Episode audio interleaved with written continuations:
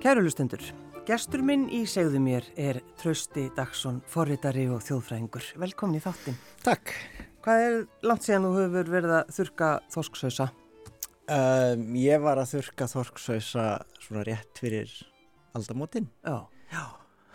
Minnir það. Hva, hvar var það? Það var í laugafiski á laugum í Reykjadal. Já, bara inn í landi. Já, já, þetta er hérna hausaþurkun sem að nýtir sér jarðhittan sem er aðna Mm -hmm. og heita vatnið og, og það var bara framtak, framtaksamt fólk sem að sá þarna auðlind í, í þorskausunum og, og hryggjunum sem var hend úr öðrum fiskvislum og, og svo var þessi keirt þarna inn í land og, og þurkað og þetta var rosa skemmtileg vinna, maður var svona glenna þorskausun á að kallast þegar maður mætti að mótana þá saði verkstjórin hvort maður ætti að glenna eða slá af eða pakka eða, eða ræða í gáminn Og, svo, Þetta var og hvað, þetta var náttúrulega svo sendt til Nýgri, Já, vantarlega. þetta var aðalega selt, selt til Nígerju og þar held ég að fólk hafi gert einhverja súp úr þessu. Jú, jú. Þetta var náttúrulega herramannsmatur. En uh, varstu Trausti, hvað, eitthvað leitandi eða hv- hvað var það, af hverju varstu að vinna þarna?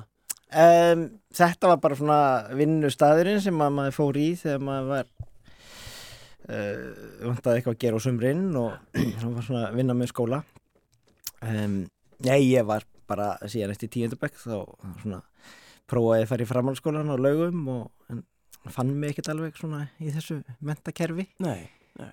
og byrjaði bara að vinna þarna einhvern tíman og held ég að unni þarna svona samflitt í einn og hálfan e, e- eitt og hálft ár kannski og svo svona alltaf af og til þannig að já, þetta er bara að safna penning og náðu upp með bíl og svona Jú, jú, sem maður verður að gera, sem maður í sveitinni.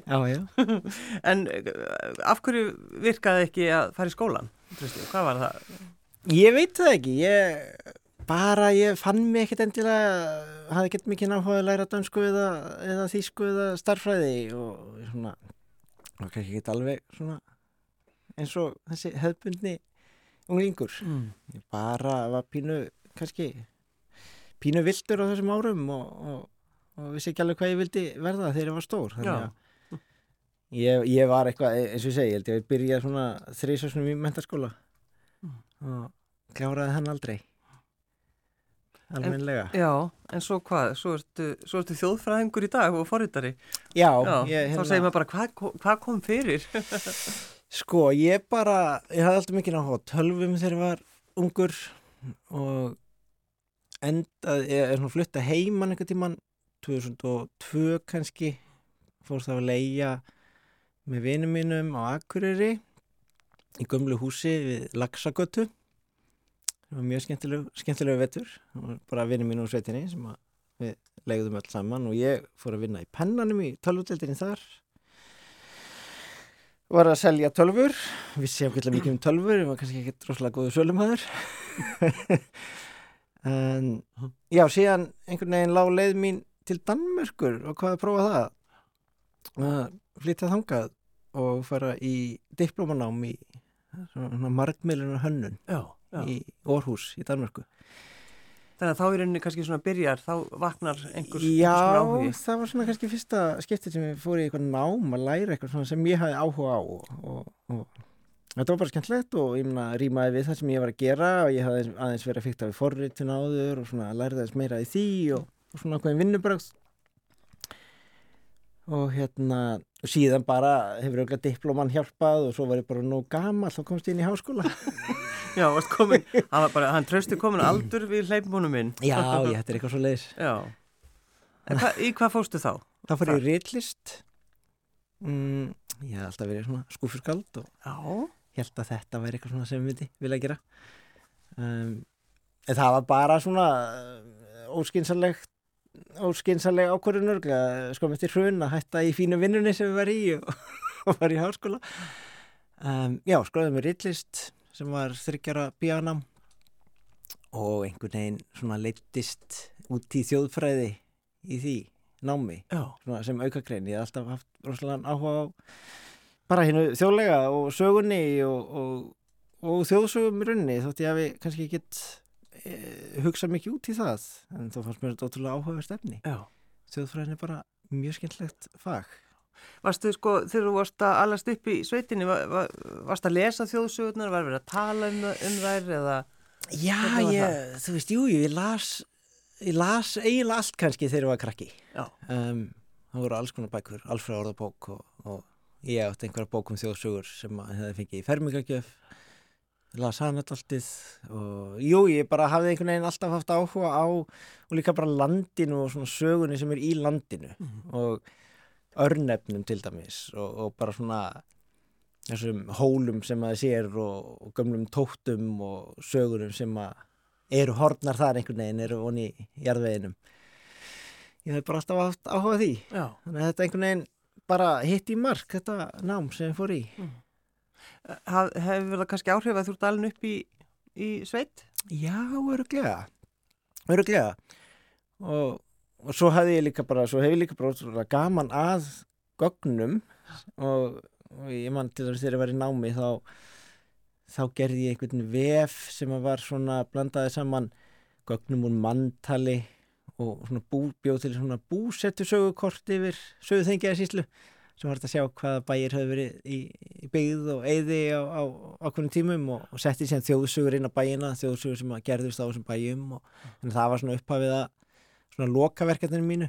Og það sem var svo skemmtilegt við þetta hérna eyðibíla eða þetta, þetta búsettukort að það reyfjast upp að ég var í barnaskóla. Þá hafði ég, þá var einhvern tíma svona opin vika eða þemadagar. Ah. og þá er ég um að gera verkefni. Ég man ekki í hvaða bekki var, ég bara verið í uh, sjötta bekka eða eitthvað, þá var ég að gera verkefni um eyðibíli í Reykjadal. Og byrju, eru, eru, eru mörg eðibíli þar? já, já, já, já, það er alveg svona, já, það er allt mörg eyðibíli og, og, og svo, svo skemmtilegi dalir hérna eða hérna uh, Seljadalurinn sem líkur svona samsíða Reykjadal Akkurat.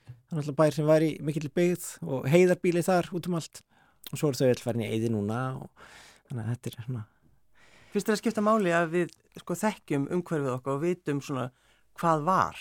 Já, mér finnst það því að, því að það sem var er náttúrulega grundvöldurinn að því sem að er Mhm. þannig að, jú, mér finnst það mjög mikilvægt og, og bara, þú veist, það er áhugaverð saga í öllu einhvern veginn.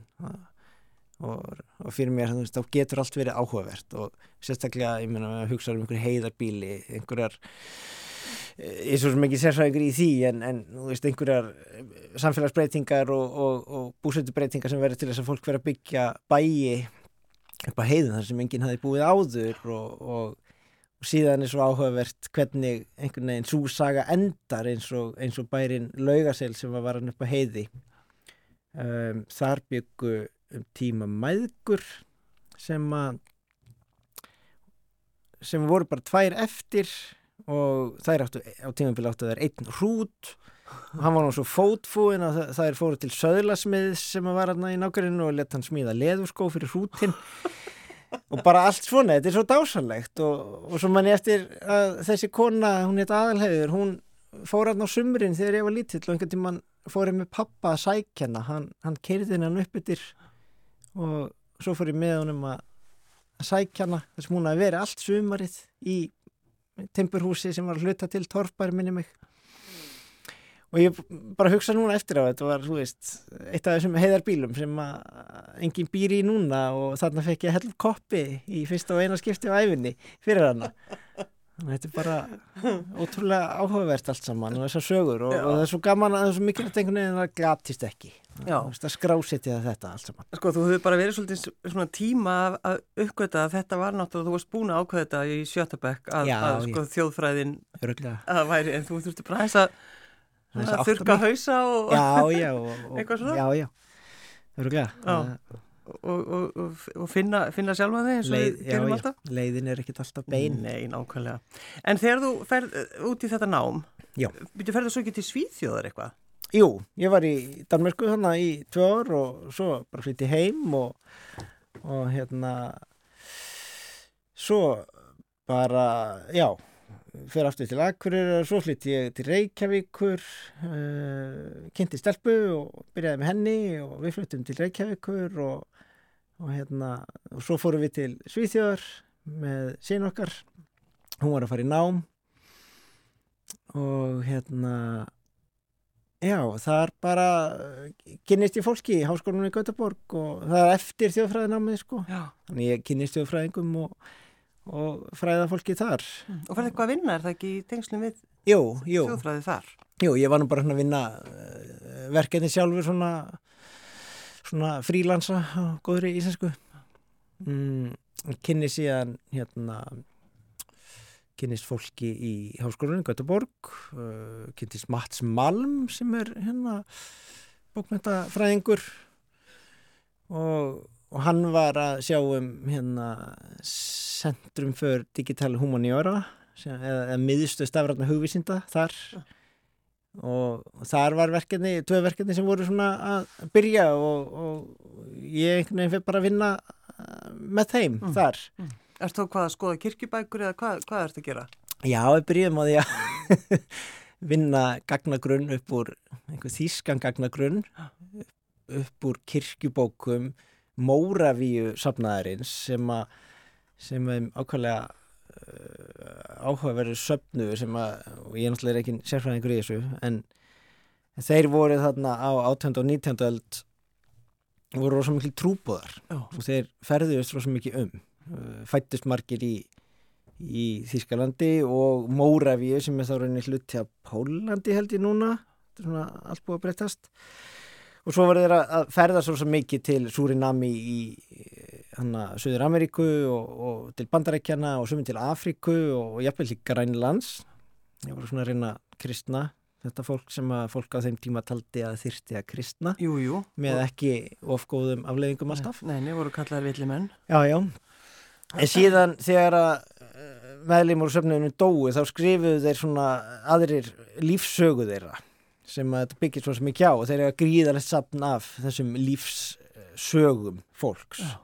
Þannig að þetta var eins og bara minningagreinar eða eitthvað. Já, já, í rauninni og, og fjölluðu Um samt einhvern veginn allar á, á einni eða annan hátt um það hvernig manneskjan varð að betri kristnum einstaklingi sem Já. er náttúrulega alltaf takmarkið. Jú, jú.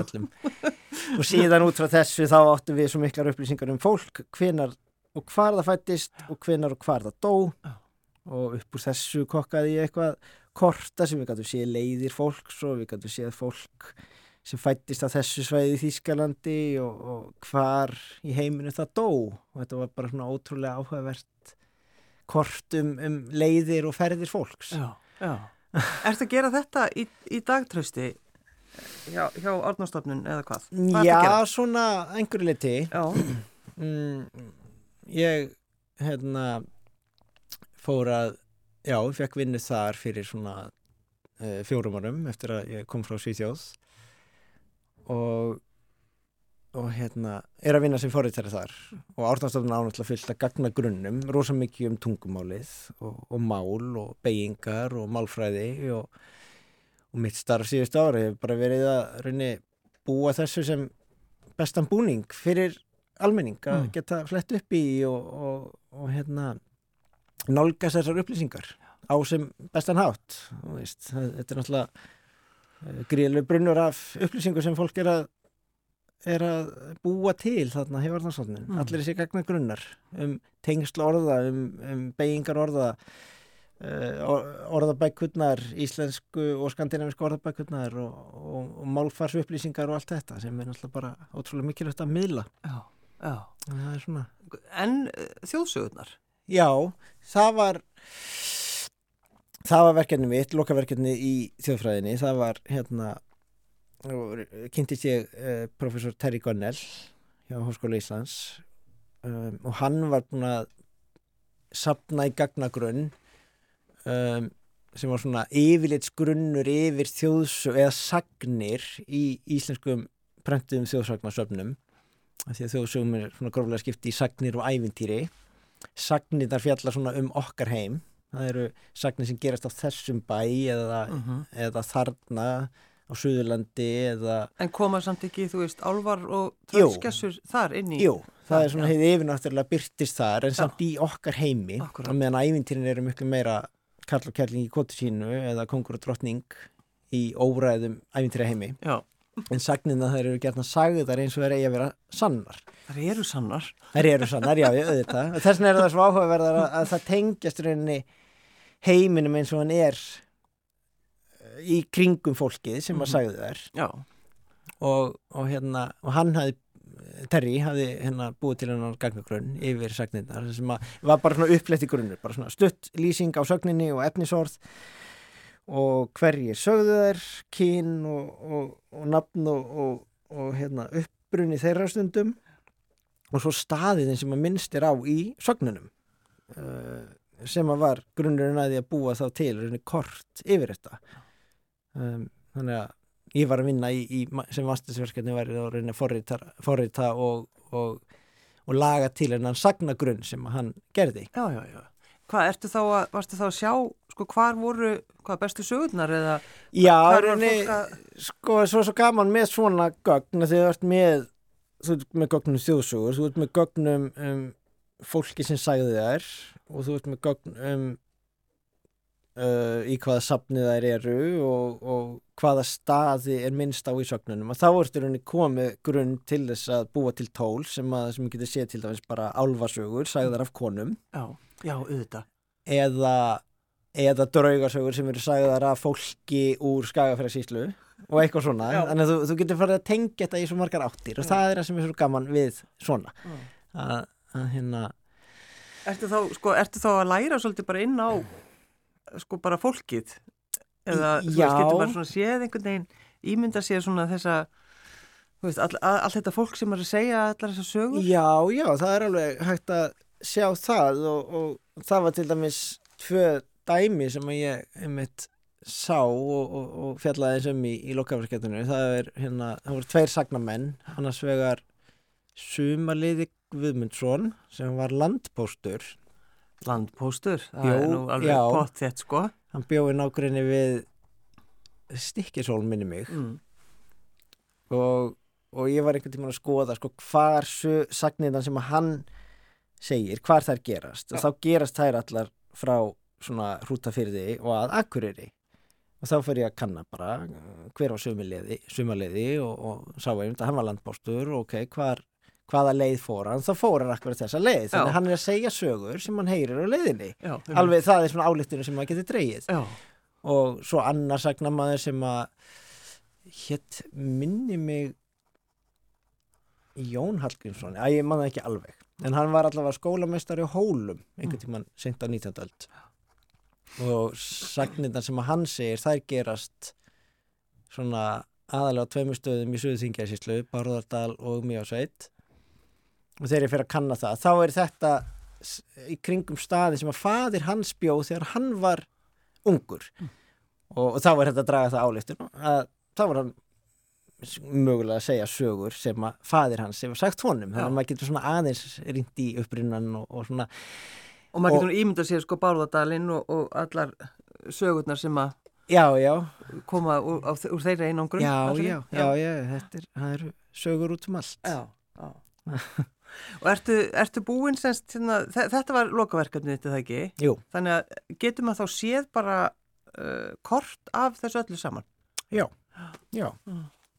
Um, þetta er núna komið inn á Ísmús vefin um, sem að við sem að vefur sem að Árnastofnun og tónlistarsafn Íslands önnu fyrir nokkrum áru síðan og Ísmús byggist rosa mikið á hljóðritarsafni í þjóðfræðisafni Árnastofnunar sem er alveg ótrúlega brunnur af ótrúlega áhugaverður efni, tónlist, sögum þjóðsögum, frásögnum bara frá fyrir tíð og, og æfiminningum og efni þar tengir svo mikið þjóðsögunum í sagnagrunni að við ákvaðum að í nýri útgáfa af Ísmús að, að steipa þessu rauninni saman Hmm. Sem að- íslenskri músík og menningararfinum Já, eða meira sko hljóðritunum hljóðritunum, Já, akkurat, sem já. eru hérna úr þessu þjóðfræðisafni sem var safnar rosa mikið kringu 1960 og 70 Mhm. sem fólk fór bara um landið leitað upp í eldra fólk sem að kunni sögur, tók viðtöl og gríðalegt efni á spólum sem að búið er að taka upp og setja yfir í tölvu En bara hugsaðu fyrir okkur að einhver hafi ákveðið að gera þetta. Já, já, já, já, þetta er alveg bara Þetta, þetta er náttúrulega alveg ótrúlegt, bara ef maður fer inn á Ísmús þá hoppar, ég reyna að opna þetta núna meðan við erum að tala saman, Já, að, að þá sko kemur strax, ef að fyrsta sem hann er dættur í hugun náttúrulega, það er hann Jón Stefánsson. í runnum og reykir dvína, hrjóður og hauður og svipur dags. Um sí, frá síðustu til sólarlags, suðrænan andar um ífastrendur, nú hvílir svo vært þessi væna bygg, við vatna niðin sinn fáuð úr kýf. En skúta brúnirnar hýrna og lína. Við himinsins brosum fer að dvína. En slútnest að ljómar sem ljós yfir sveit öll landsins blóm sem ég fegurst veit um lágan laugróin reit sem lifandi gimsteinar skína sem lifandi gimsteinar skína, gimsteinar skína. Þetta er náttúrulega alveg ótrúlegt. Þetta er æðislegt. Þetta er tekið upp, sem sagt, þetta er Jón Stefánsson. Ég ætla að stoppa þetta svo getum svo sem alveg halda áfram. Og er ekki líka, sko, ef, ef maður bara skoðar allt sem er, sem er í bóði, er ekki eitthvað, einhverju þinni ætt? Er, er. Getur ekki hlusta á rödd hvað aðeins? Afa míns, jú. Afi uh, Tryggvi Sigtryggsson sem að ég, ég var 6-7 ára þegar hann dó. Já. Svo er mitt fyrir einhverjum árum þegar ég var að grúska þessu, þá er ég fattaði að hann er þarna Já. og, þetta hlusta hann. Er hann alveg- hvaða sög er hann að segja? hann er, hann er rosa mikið að tala um tónlist hann var hérna pappi hans var svona einn af þeim fyrstu sem að voru svona að byrja með fiðlu uh, fekk, fekk sér fiðlu þarna í, í síslunni Já. og það var alltaf svona fiðlu fiðlu áhugi og, og, og, og afi minn þá, hann, hann átti fiðlu líka spilaði mikið fiðlu og, og annar gammal maður, Garðar Jakobsson í, Hólum er ekkert all þeir voru svona miklir fiðlumenn og þeir eru rosa mikið að tala um tónlistina og um söfnun uh, þjóðulaga og þeir eru að spila og syngja og, og, og fara með kvæði og svona það er, bara það er svo stórskvæslegt að, að, að geta hlustað á eitthvað svona Já. Alveg Já. að finna þetta Þegar þú heyrir hann tala um þetta, hvernig, sko, hvernig líður þér, trösti? Hvernig finnst þér að hlusta á hann? Já, mér finnst það rosa skrítið fyrst um, að því að ég náttúrulega hafði ekki teirt í honum bara síðan að hérna síðan ég var krakki pínlítill og, og, og hérna og það var svona að fara það er svo áhugast með minningar það er fara alltaf einhvern veginn að endur raðast því að ég, ég held einhvern veginn sko minningarnar að frá því maður var lítill sér en ekki minningar frá atbyrjun heldur sko minningar að því að maður man eftir einhverju og svo minning um það að maður muni eftir því þannig að allt einhvern veginn breytist og allt einhvern fyrir maður að sjá sjálfan sig í minningunum en ekki það sem maður sá Já. þannig að ég heyrði af að þarna já, fyrir alltaf ekki svona tíu ár síðan eitthvað ég fattaði að hann var hana það var bara ótrúlega skrítið en, en einhvern veginn þá fyrir alltaf að púsla saman svona, já, svona hljómaðan og, Já. já, já, já, En svona líka var þegar maður gleymir og, röddinu og svo heyrir maður já, það er svo já, skemmtilegt já, líka. já, já, En hvað, sko, Ísmús, þetta er orðið bara, þannig að ef fólk fer hann inn, þá getur það bara kallað fram alls konar og maður getur fengið alls konar upplýsingar. já, alls konar upplýsingar Mm. um, þarna er náttúrulega þeir hjá tónlistarsafninu eru búin að setja inn ótrúlega miklar upplýsingar um tónlistafólk og hljómsveitir og, og þjóðlög þannig að það er hægt að fletta þarna upp í, í þjóðlögum og, og, og hérna við erum rosa mikið úr þjóðlagarsafni Bjarnar Þorsteinssonar.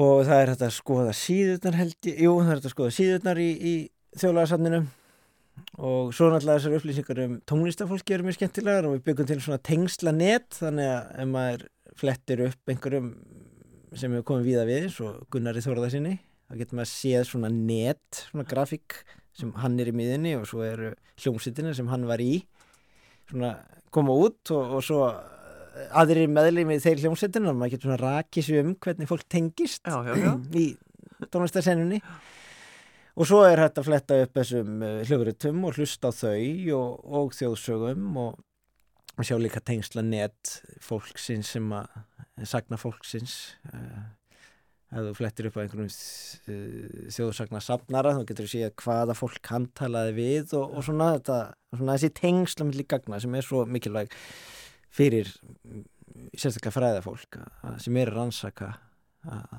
þetta, Já. því að það eru margir sem eru í þjóðsvögnafræðinni og, og þjóðfræðinni eru að skoða tengsl og, og, og svona ekki bara rýna í sögurnar heldur líka hver sagði og hvar og hvenar við hvað aðstæður og, og Það er náttúrulega bara mjög mikilvægt. Já, já, Já, það að er það, allar þessar upplýs, eh, upplýsingar Ó, það er svo skemmtilegt. En hvað, þú hefur náttúrulega verið bara niður í kjallara eins og maður segir alltaf um átnastofnun, þú er náttúrulega nú svo þreyttu brandari, sko. en hvenar, flytir þú í? Sko ég reyndar hef, var reyndar ég hef ekki verið hún í kjallar ég, ég reyndar persónulega er á bestu skrifstofu orðanstofnunar í Já, já. að laugavegi 13 og annari hæð þar. Já, þar er hluti af starfseminni. Og en bara af því að stofnunum saminaðist úr nokkru stofnunum fyrir talsveit mörgum árum síðan þá var hluti af því fluttist á laugaveg. Annar hluti er í átnagarði og svo þriðja húsnaðið er í þingulstræti þannig að við höfum aldrei verið á sama stað öll stofnunin en þannig að ég hef svo sem verið heppin með skrifstofu og, og náttúrulega þetta er rosa fín vinnu aðstæða þar og, og svona en, en hérna en við flytjum frá þessum læstu hurðum yfir í nýtt hús íslenskunar sem heitir Edda sem var vikt í síðustu viku Það er svo gaman að sjá hvað fólk hefur mikið áhuga á þessu húsi. Já, er ekki jú. ótrúlega Jú, áhugavert? jú, jú, ég var aðna á sömundaginn fyrsta í tvo tíma að- segja fólki frá síningunni sem við ætlum að opna. Við ætlum að opna dalti flotta síningu um handritinn og, og íslenska tungu og svona heiminn sem byrst í handritinum og, og ég var hann að þegar var opið hús og það var bara stöðuguströmmur og fólki Já. og fólk var svo áhugasamt og það var svo ótrúlega gaman hvað allir eru jákvæðir. Svo húsið svo undurfagurt. Já, það er það, það er alveg ótrúlega vandað til verka þarna öll lýsingin í því er svo falleg og, og skemmtileg og það er einhvern veginn passað upp á sólinn sé ekki endilega skína beint á skrifborðin okkar heldur en það eru alls konar loftgluggar og, þetta er Allt skemmtilegt og innigarðar og, Já, einmitt nákvæmlega. En trösti, myndavélinn og þú, Já. það, er eitthvað. Já, Það er einhver tengsl þar. já, já ég hérna fekk einhvern áhuga á ljósmyndun fyrir bara langa svona þegar stafrar myndavelar voru fyrst að koma. Þá fór ég eitthvað að taka myndir ég var alltaf að taka myndir og, og, og var svo eitthvað svona köp mér einhverja græjur og einhverja linsur og eitthvað svona. Hætti síðan þessum áhuga einhvern veginn. Þetta var svona, þetta var á einhvern tímanfóti þá og íþyngdi myndavinu mér svo mikið. Ég gæti ekki notið þess að horfa neitt af því þurfti alltaf að taka myndaði Já, Þannig að ég svona eh, laði hana frá mér en fór svo að rifja upp kynni mín við hana fyrir nokkrum árum og sérstaklega makrolinsu sem ég á. Og fór svona ferðast ferðast von í hérna, von í svörðin og taka myndir af, af svona örlitlum undra fyrirbreyðum í náttúrunni. Þannig að ég er svona, þetta er svona algjör landslagsmyndir sem ég er að taka sem Já. eru svona bara á ótrúlega smáu plani fléttur og mosar og skófir og, og bara svona furðulega fyrirbreyði sem að leynast þar undir fótum okkar já. Þannig að hvað, ert þú bara liggur þá bara á jörðinu og ert að taka myndir? eða Hvernig? Já, ég er alltaf þannig Já, svona smá. Já, já, það er þetta að fara í, langt ferðalag að bara leggst niður og, og rínir rínir honni honni lingið, Já. honni móana. Það er mjög margt að sjá þar. Já, þegar maður skoðar, trösti, ljósmyndina þínar, þá er þetta svolítið svona eins og einhver, einhver ævintýraheimur, Já, en svo er þetta kannski bara mynd af einhver, einhverjum ljósmynd af einhverjum svepp eða já, einhverju, einhverju einu strái eða eitthvað. já, það einmitt, það er svona það sem ég er að leita það sem ég uppgötaði raunni að, að það er svo, þetta er einmitt ævintýra heimur og, og, og, ég meina það var rétt að búa til bara flotta leikmynd í einhverju sko vísindarskálskapar mynd sem á að gerast nokkur annar plánutu bara með því að nota mótíf þarna. Veist, þessir bara rýnir reyndiramósa eða fjallagröðs svona ótrúlega nálægt þá er, er, er bara ótrúlega skrítin fyrirbreyði Já, og eins og mósar ég eitthvað það er að þeir eiga svona hálger blóm eða aldin sem eru kallaði baukar. Já. Er með svona einhverjum tönnum framan einhverjum svona ángar eins og kóróna? Og ég meina þetta er eitthvað sem kannski fólk eh, veltir ekkert mikið fyrir sér en þegar maður rýnir í þetta svona nálægt þá er þetta ótrúlega, ótrúlega merkilegt.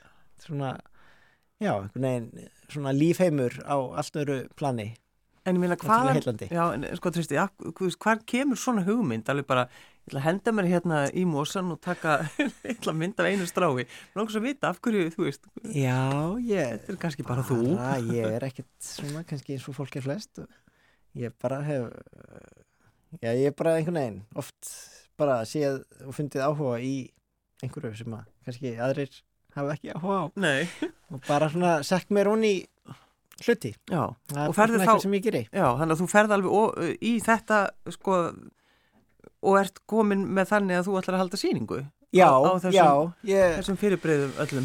já, ég mitt ég hef einhvern veginn svo ofta gegnum tíðina bara gert eitthvað og, og svo einhvern veginn fæ ég leið á því og stingið þau skúfu og held ekkert áfram með þetta en hérna en ég bara svo ég hérna á núna svo indislega kærustu sem að hérna eh, er alltaf svo hvetjandi og, og hvatti mig áfram í að gera eitthvað með þessa myndir og ég var eitthvað svona að hugsa hvort ég ætti búið til bók eða eitthvað og svo allt í hennu kom bara upp að þessi litla galleri í Hafnarfyrði sem var að auðvitað eftir listafólki og ég bara ákvaði að slá til og tala við hann sem að segja um það og, og er að fara að opna síningu á þessu. Já, er, ertu hissa sjálfur þér að vera komin eh, þangað, að vera að halda sýningu? já, já, já já, já, ég er það. Já, við veist þetta alltaf pínu ógnveikendi að silla sjálfur sér svona fram og já, þú vilt frekka vera að pæli hvað gerðist í gamla daga. já, Þjóðfræðingurinn. já, já, bara nei, nei, þetta er alltaf gaman að augra sjálfur sér aðeins og, og hérna, það er rosa flottar þessi myndi þegar maður stækkar það svona upp. Það er eitt að sjá þær sko skjá og síðan annað að sjá þær í ramma. Það er, Já, menn þetta er bara, jú, ég er bara bísna ánað með þetta. Þetta, þetta verður bara, ég held ekki geti alveg sagt þetta verður bara bísna flott. Já. Hva, hvar, hvar er þetta galleri í, í Hafnafyrði? Eh, þetta heiti Litla Galleri í Hafnafyrir bara á strandgötu Mm. uh, við hliðin á uh, hönnunabúð þarna Mm. í strandgötunni Já. Já. Þannig að þú ert minn skoðið búin að stíga það skref, þú ert, uh, ert ekki búin að setja myndavélina inn í skáp og loka, heldur Nei, nei. ertu bara, nú ertu komin í þetta. já, já, já, já, ég ætla að sjá til hvernig þetta fer og, og hvað ég gerir svo og svona Já. það er bara, já, já, það er alltaf gaman að prófa okkur nýtt og sína það sem maður er að gera Já, já. Þannig að þjóðfræðingurinn er orðin ljósmyndar í dag. Já, já, eða, eða ljósmyndarinn orðin þjóðfræðingur Eða Ég það, alveg hvort kom fyrst Og svo hoppar forritarinn hann einhver staðar á milli eða hvað? Já, já, ég er óttalega amabba ég, ég, ég er stundum með á, ég, ég er stundum bara er uppgefin á því að ég áhuga á svo mörgum einhvern veginn og Og líka eins og þú segir að það, það byrjaði rauninni mjög snemma hjá þér. Þú veist, þú ert að tala um að lýsa því sem þú gerir bara í grunnskóla og hafa Já, þennan já. áhuga á, já, já, á Og- sögunni. já, sögunni og líka náttúrunni ég hef alltaf Já. átt rosa mikið áhuga á náttúrunni og, og, og hann slálst upp í sveit og ég var rosa mikið upp um heiðar og að skoða hitt og þetta og það er rosa mikið á skortir þegar ég var lítill, safnaði þeim á tímabili og þannig að jú, jú, ég, ég hef alltaf áhuga á þessu sögu og náttúru og gaman síðan ég veit, hvernig það blanda saman landslæðið og sögurnar og það er bara rosa gaman að, brasa við hitt og þetta Já, bara gamla að vera til. já, já, það er það Trausti Dagsson, forritari og þjóðfræðingur, takk fyrir að koma. já, takk fyrir að fá mig